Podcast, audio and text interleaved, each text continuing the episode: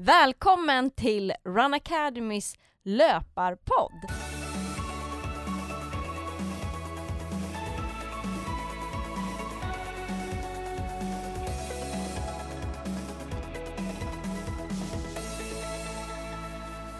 Det här är podden för alla er som gillar löpning.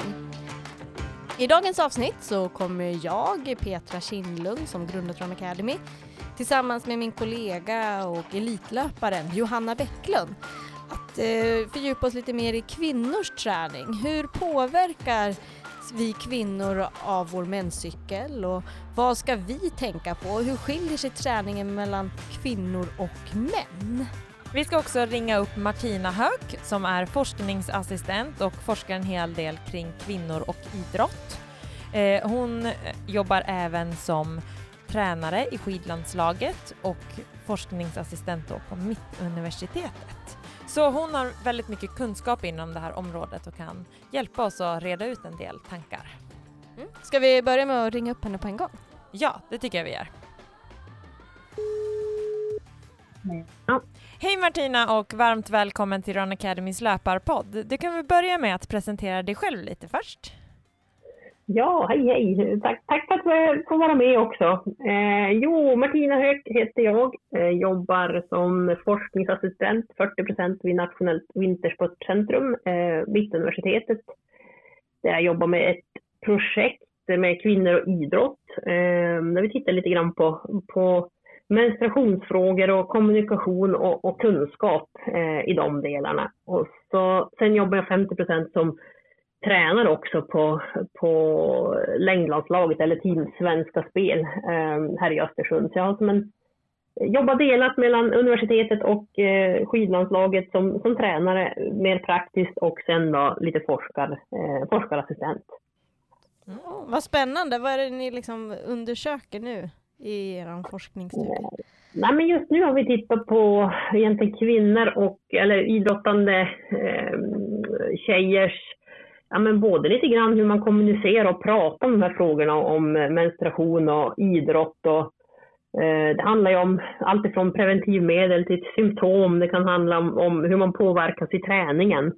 Eh, och så har vi sen då jämfört egentligen, eller jämfört, vi har plockat in dem i, i grupper där vi har diskuterat med, med idrottarna och eh, deras tränare, där de får komma med, med sina tankar i det här ämnet helt enkelt. Mm. Men eh, hur upplever ni, är det mycket så här tabu att prata om? Liksom? Ja, både och skulle jag vilja säga. Eh, vi har ju lite grann att det inte kanske väldigt individuellt hur idrottande tjejer pratar med varandra. Vissa kanske har kompisar man har pratat med och vissa har nästan aldrig pratat om det här. Mm. Eh, sen tränarna, ja men det ingår i våra tjänster kanske nu. Det är mer och mer kunskap om det. Så de upplever att det har blivit bättre under kanske senaste tio åren. Alltså det kommer mer och mer och, och ämnet blir mindre tabubelagt och det är fler som upplever att det är viktigt att prata om det också. Då blir det ju lättare att diskutera de här frågorna. Mm. Mm. Vad skulle du säga om man tänker så här, eh, hur, hur, man, hur ska man tänka kring eh, träning och menstruation? Är det något speciellt man ska tänka på just i? Jag skulle säga så här, det beror ju på vem du är. Um, det har kommit väldigt mycket i media om att man ska träna utifrån menstruationscykeln, men det vi vet forskningsmässigt i dagsläget är att vi vet för lite för att kunna säga något sånt egentligen. Um, det står gärna artiklar om att träna utifrån så får du bättre resultat, men där handlar det mycket om vem du är som, vem du är som idrottare. Eh, är det så att man har problem eller symptom i samband med menstruation. Det kan handla om att man har menssmärtor eller det kan handla om att man blöder mycket eller eh, man känner sig nedstämd, deprimerad. Eh, då finns det absolut läge att anpassa träningen utifrån det här. Men vi kan inte generellt faktiskt säga vetenskapligt att, att det finns fördelar i dagsläget, för det, det är alldeles för lite gjort eh, forskningsmässigt på det faktiskt. Mm. Men vad kan man tänka på då, liksom i träningen, just om man eh, känner liksom mycket smärtor och blöder mycket och sådär. Vad, vad ska man då tänka på i sin träning? Det jag skulle börja med det är att göra en liten dagbok och kolla vilka dagar Um, vilka dagar har jag ont till exempel? Um, hur, hur mycket påverkar mig? Är det så att det påverkar mig så att jag, jag eh, inte kan genomföra träningspass, ja men då kanske jag måste byta ut eller byta vilken typ av träning som faktiskt funkar. Eh, det kanske funkar bättre att köra lite lågintensiv träning istället för att man ska köra de här eh, jätteviktiga intervallpassen just de dagarna man inte, inte mår så bra. Um, sådana saker skulle jag säga. Steg ett faktiskt skulle jag göra och monitorera min, uh, min mens. Uh, för att lära känna min egen kropp helt enkelt. Vilka dagar som, som jag påverkas. Mm. Men, men hur ska man tänka om man har väldigt oregelbunden mens? Liksom, så att det, det, man kan inte se ja. liksom, riktigt cykel sådär. Nej men precis. Eh, då, det beror på hur, oh, nu är inte jag någon, någon läkare, eh, så där vill jag hänvisa till eh, ja, men kvinno, kvinnokliniker och de som, de som kan det medicinska bättre än vad jag kan. Men har jag oregelbunden mens så skulle jag ju utreda varför jag har oregelbunden mens. Det kan ju bero på att jag tränar lite för, för mycket eller att jag kanske äter lite för, för lite i förhållande till vad jag tränar eller även stress kan ju påverka eh, menstruationen. Mm. Um, det är sådana saker. Börja utreda om det finns någon bakomliggande orsak, medicinsk orsak. Eh, och kunna använda mensen som en kanske kvitto på att min kropp mår bra och att jag inte belastar den för hårt också. Eh, så där skulle jag nog faktiskt börja och och utreda min menstruation, varför den är oregelbunden. Sen är det ju är det oregelbunden så att det skiftar några dagar kanske en sak, men sen när man börjar på att ha uppehåll i flera månader, då, då tycker jag verkligen man ska, man ska kolla upp det. Just det. Men vad kan hända om man liksom inte har mens alls? Det är ju många som tränar väldigt hårt som kanske får... Ja, precis. Eh, för några så kanske det går bra. Som sagt, här, här vill jag också koppla, bolla vidare till till läkare egentligen, men eh, det, det, man vet är ju med risker, kanske inte just menstruationen så, men, men däremot är det så att man har lite lågt energitillgänglighet eh, då, eh, att man har, har ätit mindre mot vad energibehovet är. Ja, men det kan handla om att man får lite sämre bentäthet, eh, höfter och ländrygg är mycket det, det man tittar på där, så att man längre fram drabbas av osteoporos eller benskörhet. Det kan ju vara en riskfaktor. Det kan också innebära att man får lite mer småskador eh, på strukturer, senstrukturer och sånt som, som sliter ont. Ehm, så, så det är väl egentligen riskerna som, som finns där, eh, som är ganska vanligt bland idrottare. Då. Mm. Eh, men jag tänker, då kommer vi också att tänka på så här, hur, hur i eh, alltså om man tänker så här, vad är det som kan göra då i det här, ja men, menscykeln, att man ska träna på olika sätt? Eh, går vi in på ja, skillnad män kvinnor till exempel, så eh, killarna de har ju deras huvudsakliga, man har, man har mycket hormoner, alla har egentligen lite grann av allt, men killarna har lite mer testosteron, Eh, och vi tjejer har lite mera östrogen och, och eh, progesteron. Och eh, killarna har ganska jämn, om jag gör en jämförelse här, ganska jämn kurva på det här under månaden. Medan vi tjejer har, har då en liten fluktuerande kurva på det här där det ökar och minskar eh, utifrån var cykeln vi är.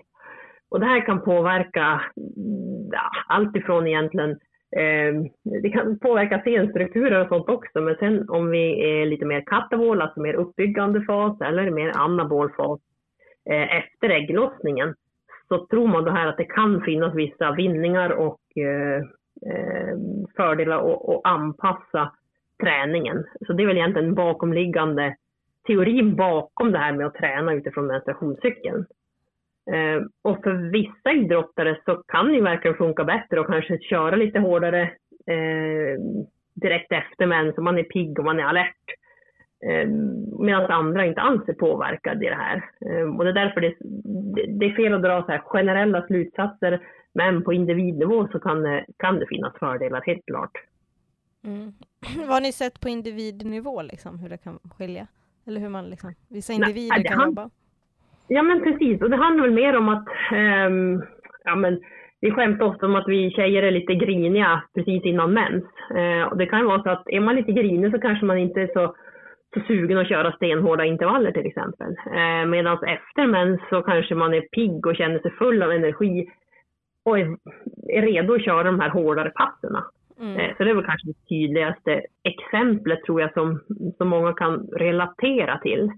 Eh, men det är lätt det, det, det, jag vill varna för det är ju som sagt om man drar att, att det gäller för, för alla. Men de som känner igen sig här att man, man blir på lite dåligt humör och kanske inte riktigt är på hugget, ja men då kanske man, man kan ha vinning av att träna utifrån menstruationscykeln.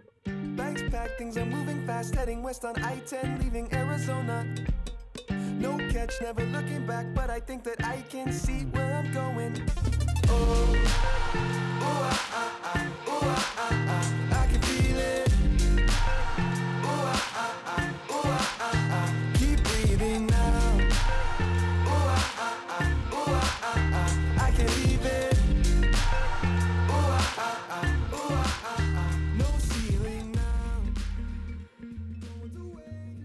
Men hur är skillnaden då om man äter till exempel p-piller eller har så hormonspiral eller kopparspiral? Alltså om man har, har liksom äter något typ av ja, preventivmedel? Då får, man, då får man egentligen inte de här svängningarna alls på samma sätt eh, som vid naturlig menstruationscykel. Eh, har vi en, en, eh, ett hormonpreparat där vi har en aktiv fas och, och en passiv fas där man egentligen äter sockerpiller för att man får en, en blödning så är det inte alls samma sak som, som en riktig mens. Eh, utan det kan man kalla fake mens. Eh, så då får vi en mycket mer vad ska man säga, stabil hormoncykel eh, där vi inte kan egentligen träna utifrån, utifrån menstruationscykeln på det sättet.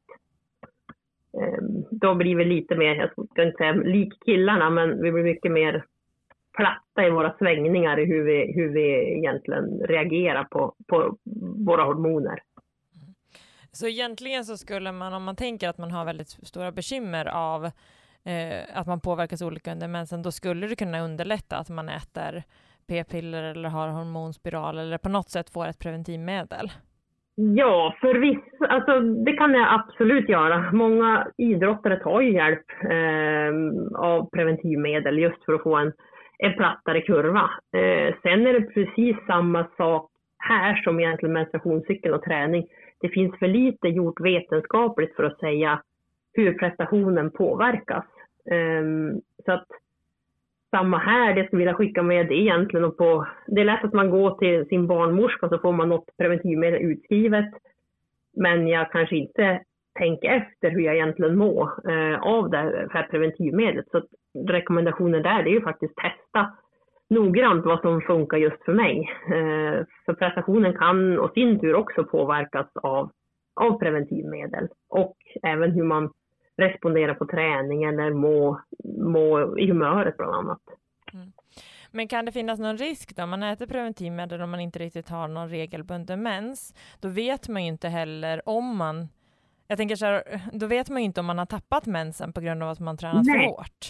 Precis. Eh, man kan ju dölja egentligen en, en, ett katabolt tillstånd i, i, kroppen där man kanske har lite för låg energitillgänglighet med REDS, alltså relativ energy deficit som det så, så fint heter, um, det kan man ju dölja genom preventivmedel. Um, och då får man ju helt enkelt vara observant på kroppen på andra, andra sätt. Så att man inte eh, kör, kör ner sig för långt i källaren till exempel. Så att, eh, det finns ju för och nackdelar med, med preventivmedel. Um, och, och, som sagt, det här är ju en nackdel på sätt och vis. Att, och det, det, när vi jobbar som tränare också så det är svårt att ha, vi kan inte använda mensen som, som ett utvärderingsverktyg när man använder p-medel. Um, och det, det, är lite synd faktiskt. Mm. Men eh, om man tänker då att, att man påverkas mycket av Eh, alltså att man har svårt att träna när man har mens och sådär. Eh, och att man då kan tänka att man ska lägga upp så att man efter att man har haft mens ska köra lite hårdare pass eller lite mer uppbyggande pass. Eh, finns det något annat man ska tänka på eh, om man tänker att man har en relativt regelbunden menscykel? Eh, det jag skulle, alltså alla de här som kommer ut i media, eh, det bygger sig väldigt ofta på enstaka studier.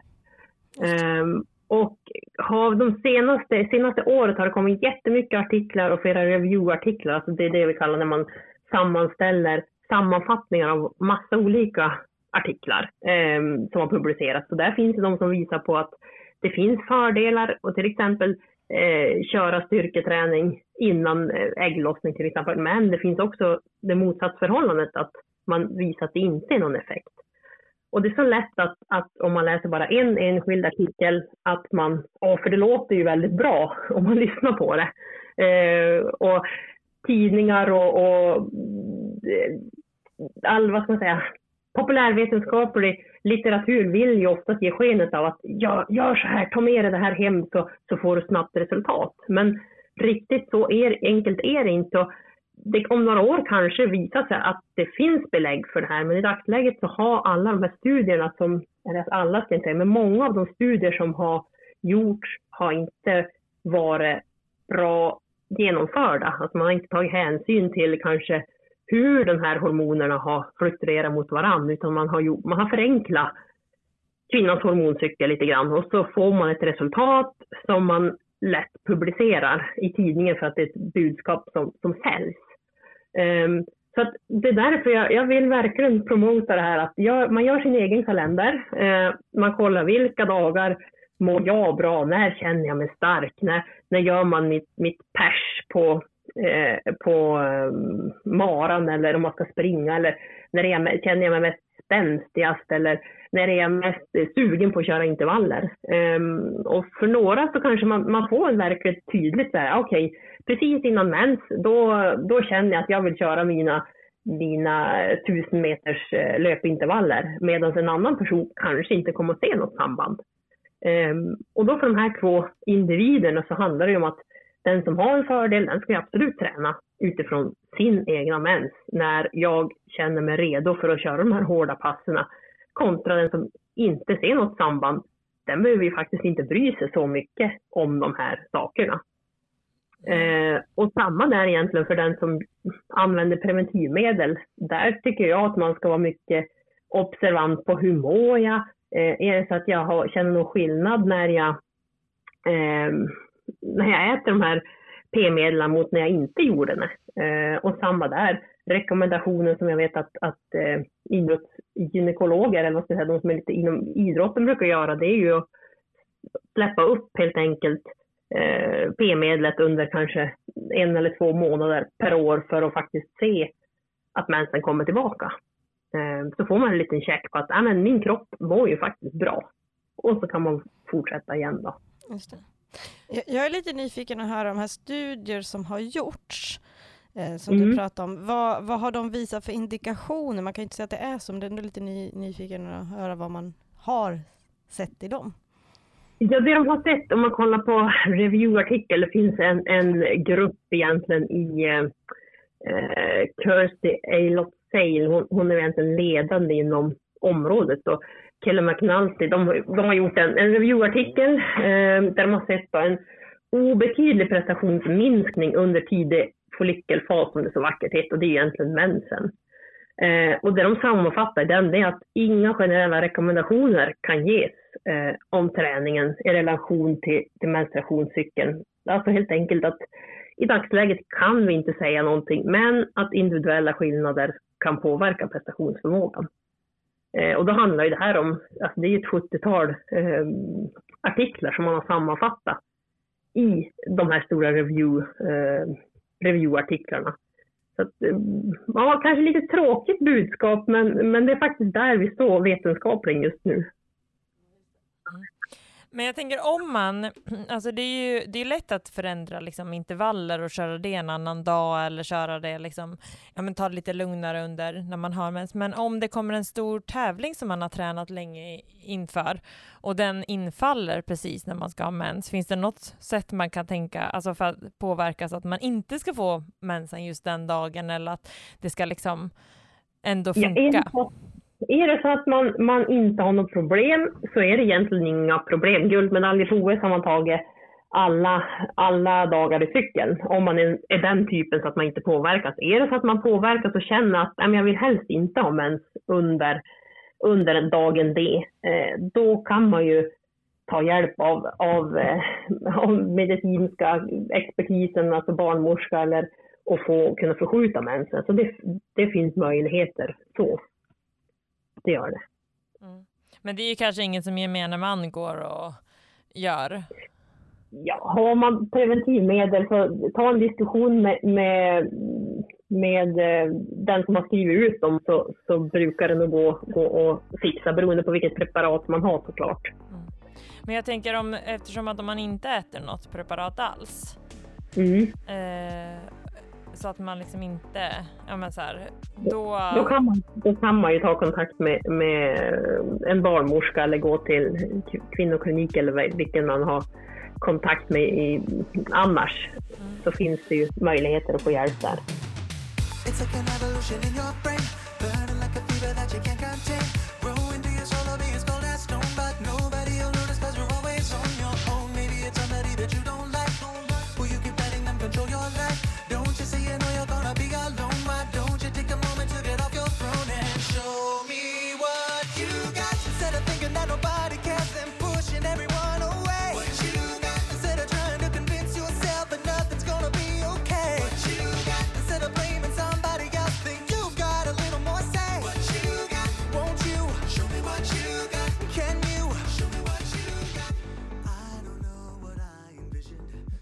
Men om man tänker tillbaka då så här, ja men vad, vi pratar ju lite om att, att eh, kvinnor och män, alltså att det är lite olika med hormonbalansen, men vad skulle du säga är den största skillnaden mellan hur kvinnor och hur män tränar?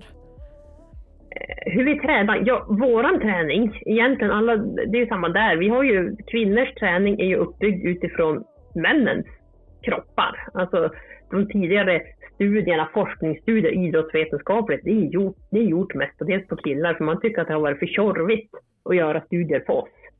Så att all träningslära är ju baserad på killar. Eh, och det är därför vi vet så lite om det här.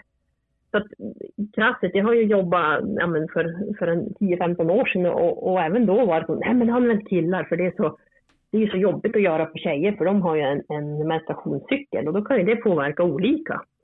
Eh, så istället för att ha utrett hur vi ska träna så har man ju som gjort det enkelt för sig och bara ut, egentligen forska på, på män. Ehm, och det är det, vi har, vi har alltså en, en eh, skiftnad, skift, säga, skiftningar i, i hormonerna där vi har pikar och vi har östrogen som ligger eh, stabilt i början fram till ägglossning när vi får en peak. Ehm, Sen blir den hög eh, fortsatt under nästa fas som vi kallar lutealfasen.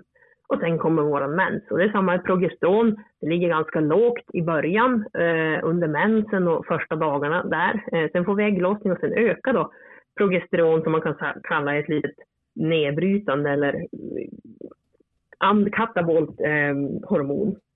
Eh, och killarna de har ju sin, sitt testosteron och det ligger ju stabilt eh, konstant och det är ett anabolt humör, så att, eh, hormon. Så att, mm, det är väl det som egentligen som gör, gör skillnaden. Att våra hormoner de, de fluktuerar betydligt mer än vad killarnas gör. Mm. Mm. Är det hormonerna också som en förklaring till varför män eh, är bättre än tjejer då? Ja, men det kan man väl säga egentligen. De har testosteron som, som väldigt uppbyggande för muskulaturen. Mm. Eh, flera ska säga, positiva, positiva sidor. Eh, lite förenklat är det, det är även några andra grejer, men i huvudsak är det ju testosteron som de har. Eh, vi har östrogen som också är egentligen ett uppbyggande hormon. Eh, lite liknande effekter som testosteron. Men då går ju den ner under våran fas och vi får ett, ett eh, nedbrytande progesteron som, som kommer upp. Så det är ju, ja de här 10 skillnaderna som man brukar prata om, det handlar mycket om de här hormonerna. Så är det. Ja, just det. Mm. Ja, men eh, det man kan sammanfatta då, eh, om vi tänker så här, det är ju dels att eh, det är bra att hålla lite koll om man känner att man har, alltså man håller koll på sin menscykel och har, föra någon typ av dagbok för att liksom veta om det finns någon skillnad. Ja, Eh, och sen att man då kan tänka sig att om det är så att man märker någon skillnad, att man då lägger in lite tuffare pass just eh, där ofta det är i sam alltså efter mensen som man kanske eh, känner sig lite piggare och mer sugen, medan under mensen så kanske man kör lite mer lågintensiv träning. Ja, om man, om man upplever att det är, det är det som passar mig. Det finns ju individer som faktiskt kanske presterar bättre andra dagar också. Det är just det som jag vill trycka på och komma åt. För tittar vi på de här, ja men oftast det som har stått i media, det handlar ju om ett, ett medelvärde på en jättestor grupp. Men vi har jättemånga individer som ligger utanför det här medelvärdet som de här enstaka eh, artiklarna presenterar. Och är jag då en sån individ, då kanske jag har min, min bästa dag under mensen. Min prestation, jag kanske blir så förbannad, alltså jag, jag är så arg innan mens att jag faktiskt presterar bättre.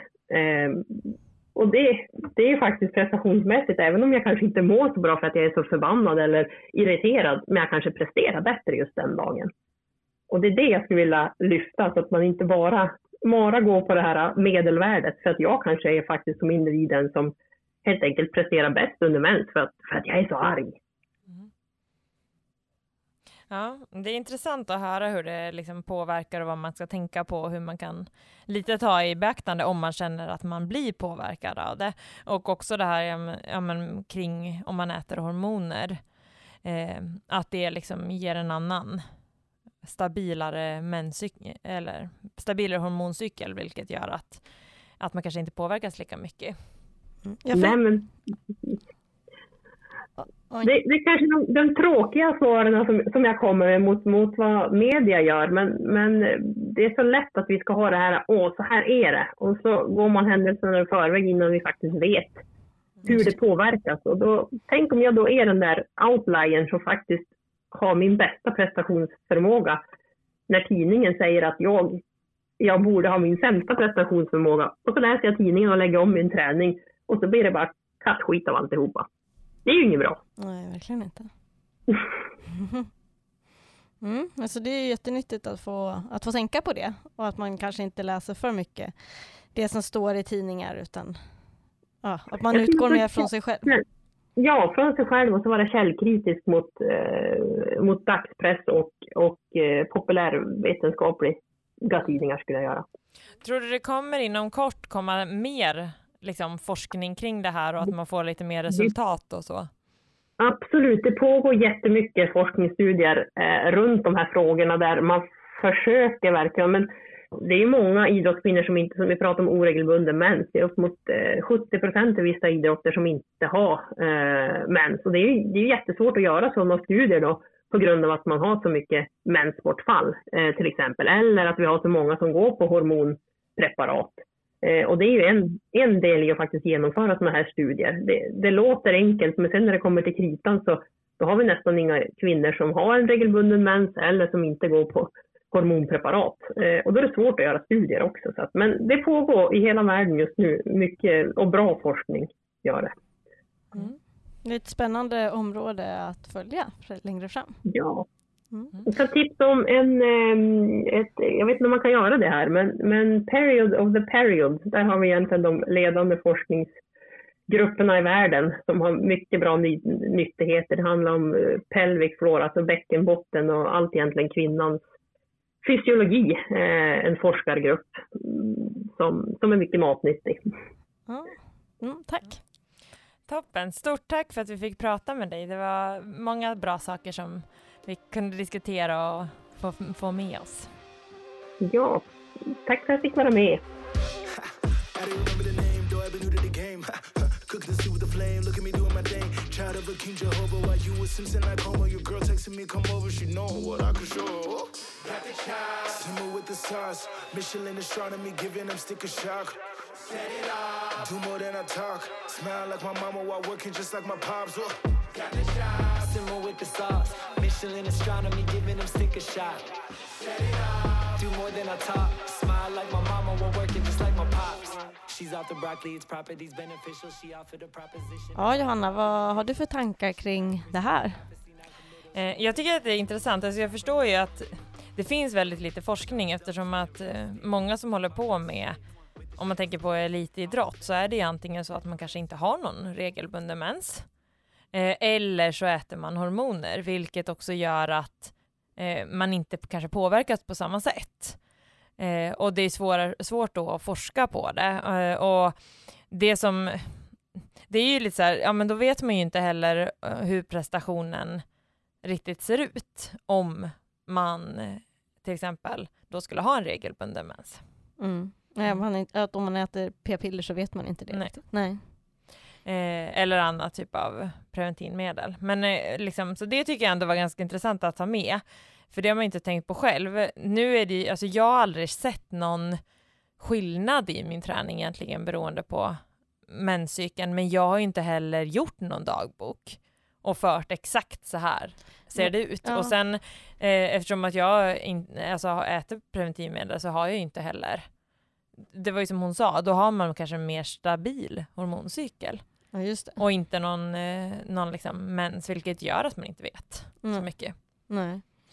Men sen också det här med att föra en dagbok, det är också väldigt svårt för det är så mycket som påverkar. Det är ju inte bara liksom, det beror ju mycket på vad man har tränat dagarna innan, hur det känns, vad man har ätit, hur man är stressad. Alltså det är så mycket som påverkar så att det, det krävs ju i sådana fall att man lär skriva ner under en ganska lång tid för att verkligen få se, ett, innan man kan se ett samband. Att oj, just där i början eller direkt efter mensen, just då brukar jag känna mig bäst som starkast. Mm.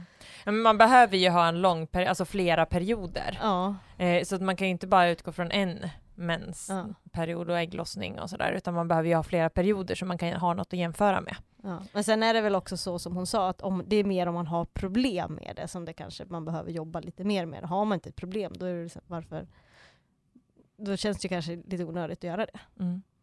Men har du någonsin haft eh, problem? Har du känt att liksom någon dag i cykeln skulle vara jobbigare eller bättre eller så? Eh, oj. Eh, nej, inte vad jag kommer på liksom, så här. Jag tycker det är jättesvårt att säga. Eh, så det har jag, det, jag har ju också haft lite oregelbunden så. Speciellt när jag var yngre. Eh, så då, och då är det ju svårt att veta. Nej, och sen när, man, när jag höll på, liksom, när man var yngre framför allt, då, fick, då pratade man ju aldrig om att man ens påverkades av en menscykel. Det är ju först nu sista tiden som det har blivit liksom lite mer okej att diskutera det. Så Mm. man, tidigare, för några år sedan, då reflekterade man inte ens om att, det skulle, att man kan bli påverkad. Nej. Det var så tabubelagt. Så jag tycker det är jättebra att man diskuterar mer och mer att, hur det påverkas, att man kan bli mer medveten om att Ja men för det kan ju vara så att man har dagar där det bara det funkar ingenting. Och då kan det ju en förklaring vara att, att det är lite hur det ser ut i cykeln. Liksom. Mm. Men jag tänker också så att det är naturligt om man blöder väldigt, väldigt mycket. Mm. Då är det ju klart, alltså då förlorar du ju blod. Mm. Vilket gör att det är klart att du påverkas av det. Eh, så att det är ju inte konstigt. Och då är det så här, ja men då är det kanske bättre att ta ett lugnare pass om man ens, en del kanske inte ens klarar av att ge sig ut just den dagen. Då är det ju bättre att vila när det är som värst. För det är ofta så att det är kanske en eller två dagar som verkligen är värst. Mm. och sen blir det bättre. Så att man inte ser att liksom, då kan man ju lägga in och, och träna lite lugnare just den veckan och sen har man de andra tre veckorna där man kan träna på lite mer. Mm. Så att man vågar anpassa också om det är så. Och att man vågar ta hjälp. Jag tror det är jätteviktigt att man får hjälp om man har väldigt stora bekymmer.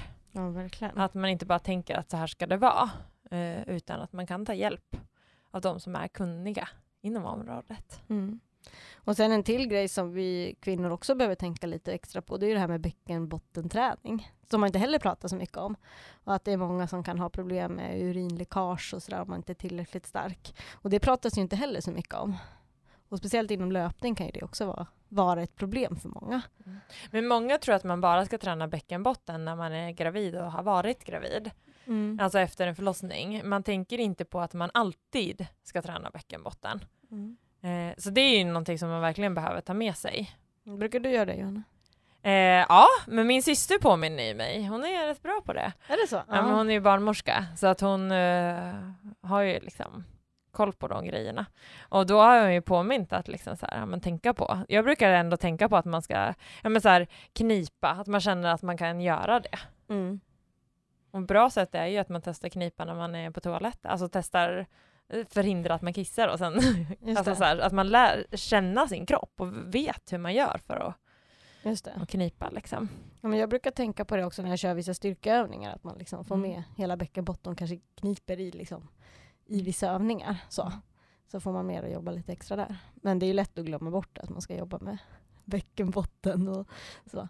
Eh, men där också har man problem att man, att man läcker och att det liksom blir, blir så att man knappt kan springa, då finns det ju också hjälp att få, att man liksom tar hjälp av sjukvården.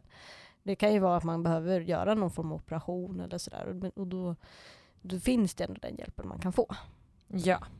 Så allt handlar ju om att man inte ska vara rädd för att ta hjälp. Ja, och att man ska våga prata om det och höra hur andra gör också. Mm. För att det, oftast är det ju fler som har problem än vad man kanske förstår själv. Mm. Och sen en viktig del tycker jag i det hela är att man också tänker på att man inte jämför sig kanske med män och hur de tränar alla gånger. Nej, det är Eh, lätt att göra. Och att liksom, ja men så här, generellt så är ju kvinnor, vi har inte fullt samma kapacitet som män har. Och det måste man ju tänka till på också. Mm. Det märker vi också i våra löpargrupper att oftast är ju kvinn- männen i de snabbare, löp- liksom snabbare grupperna och kvinnorna lite längre ner. Liksom. Dels kan det bero på också att det är inte lika många män kanske som springer med oss i våra löpargrupper.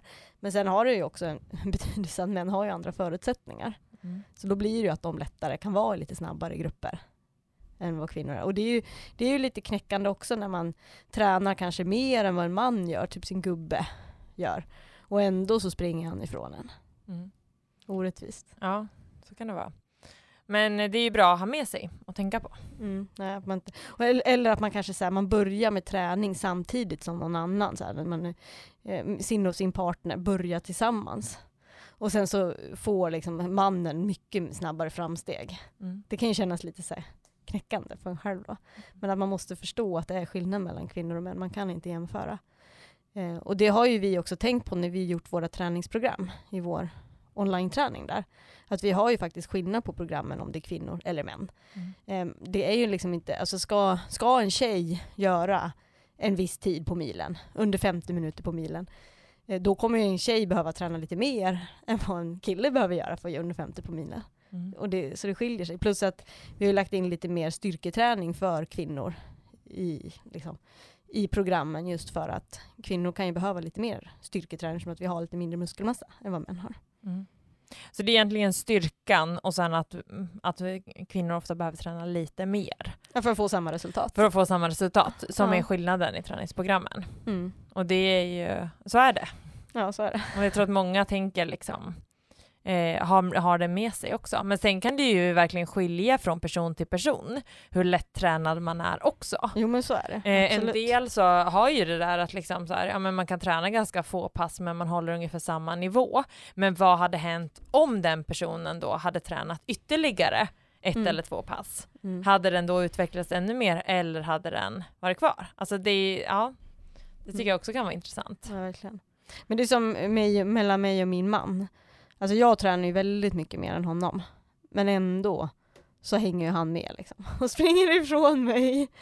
Eh, Så att han behöver ju inte alls träna lika mycket som jag för att vara på samma nivå. Liksom. Det, är lite, ja, det, är, det Mm. är inte rättvist allt, alla gånger. Nej. Nej. Eh, Men vad ska man mer tänka på som kvinna liksom, och träning, tycker du?